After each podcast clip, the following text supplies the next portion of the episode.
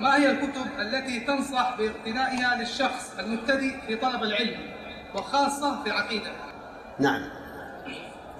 أنا أرى أن من أحسن ما يكون في العقيدة العقيدة الواسطية لشيخ الإسلام ابن تيمية لأنها كتاب مختصر زبدة عقيدة عقيدة أهل السنة والجماعة لكنها في الواقع تحتاج إلى شرح ولا بد للمبتدئ من أن من أن يتخذ شخصا يدرس عليه. لأن فيها معاني لا يفهمها الإنسان بمجرد قراءتها تحتاج إلى بيان. والخطأ هنا ليس سهلا. حتى نقول إذا أخطأ في فهم الكلام فليكن خطأ. لأن نقول هذه مسألة مهمة عقيدة. كذلك هناك عقيدة السفاريني وهي منظومة. لكن فيها بعض الأخطاء. فيها بعض الإطلاقات التي تخالف بظاهرها مذهب السلف. مثل قوله وليس ربنا بجوهر ولا عرض ولا جسم تعالى ذو العلا فإن هذا قول يخالف ما كان عليه السلف. على كل حال هذه أيضا العقيدة السفارينية إذا درسها الإنسان على شيخ ملم بالعقيدة وبين له ما فيها من المعاني المخا... من الإطلاقات المخالفة. لمذهب السلف سيس... سيستفيد منها. نعم. طيب إذا كان مبتدئ مبتدئا صغيرا مرة فعليه بحفظ عمدة عمدة الأحكام. هذا الكتاب اللي نحن نقرأه الآن كتاب مختصر وكتاب عامة أحاديث في الصحيحين.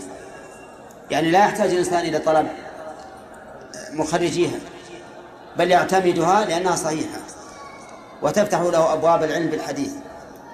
في في باب المصطلح من أجمع ما يكون من الكتب نخبة الفكر لابن حجر رحمه الله وهي عن عبارة عن ثلاث صفحات أو أربع صفحات. يحفظها الإنسان وتبقى في ذهنه وينتفع بها بعد كبره. في باب التفسير تفسير ابن كثير جيد ومفيد ومأمون. تفسير الشيخ عبد الرحمن بن سعدي أيضا تفسير جيد وسهل ومأمون. فليبتدئ بهذين التفسيرين فيستفيد منهما ثم بعد ذلك يتوسع. في باب الفقه زاد المستقنع الذي عليه الشرح المسمى بالروض المربع. بالروض المربع بشرح زاد المستقنع لأن هذا الكتاب كتاب مبارك كتاب مختصر وجامع. وقد أشار به علينا شيخنا عبد الرحمن بن سعدي رحمه الله مع أنه هو قد حفظ متن دليل الطالب. لكن قال لنا احفظوا زاد المستقنع فإنه أكثر مسائل. وهو مفيد. وش بقينا في النحو. النحو وما أدراك ما النحو الذي لا يعرفه إلا القليل. هذا النحو لو تبدأون بالأجرمية. الأجرمية أيضا كتاب مختصر مفصل. يقرأ يحفظه الطالب ويقرأه. وهو جيد. ثم بعد ذلك بعض الناس يقول تبدأ بمتن قطر قطر الندى لابن هشام. وبعضهم يقول تبدأ بألفية بن مالك وأنا أشير بحفظ ألفية بن مالك وأكرر المشورة لأن هذا الكتاب ألفية بن مالك خلاصة النحو خلاصة النحو. والإنسان إذا غيبه أي ساعة يحتاج إلى استشهاد على حكم مسألة نحوية يجدها عنده في هذا الكتاب.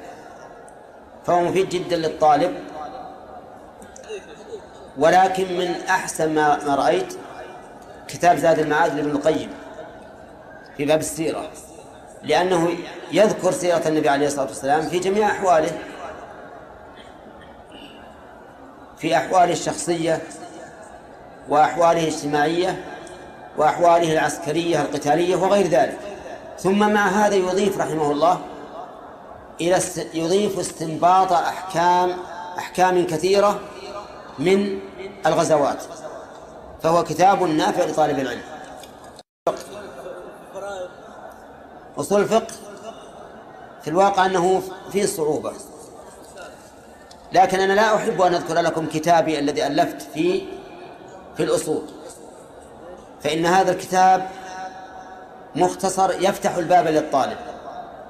يفتح الباب لأن فيه مبادئ نافعة ولا سيما التعريفات تعريفة العام والخاص والمطلق والمقيد وهو مفيد للطالب المبتدئ. إي نعم. أما أما أما الفرائض فأحسن كتاب مختصر مفيد البرهانية. البرهانية هذه مختصرة وجامعة لكل الفرائض لمحمد البرهاني ومفيدة جدا. حتى إن باب من يرث الثلثين ذكره في بيت واحد.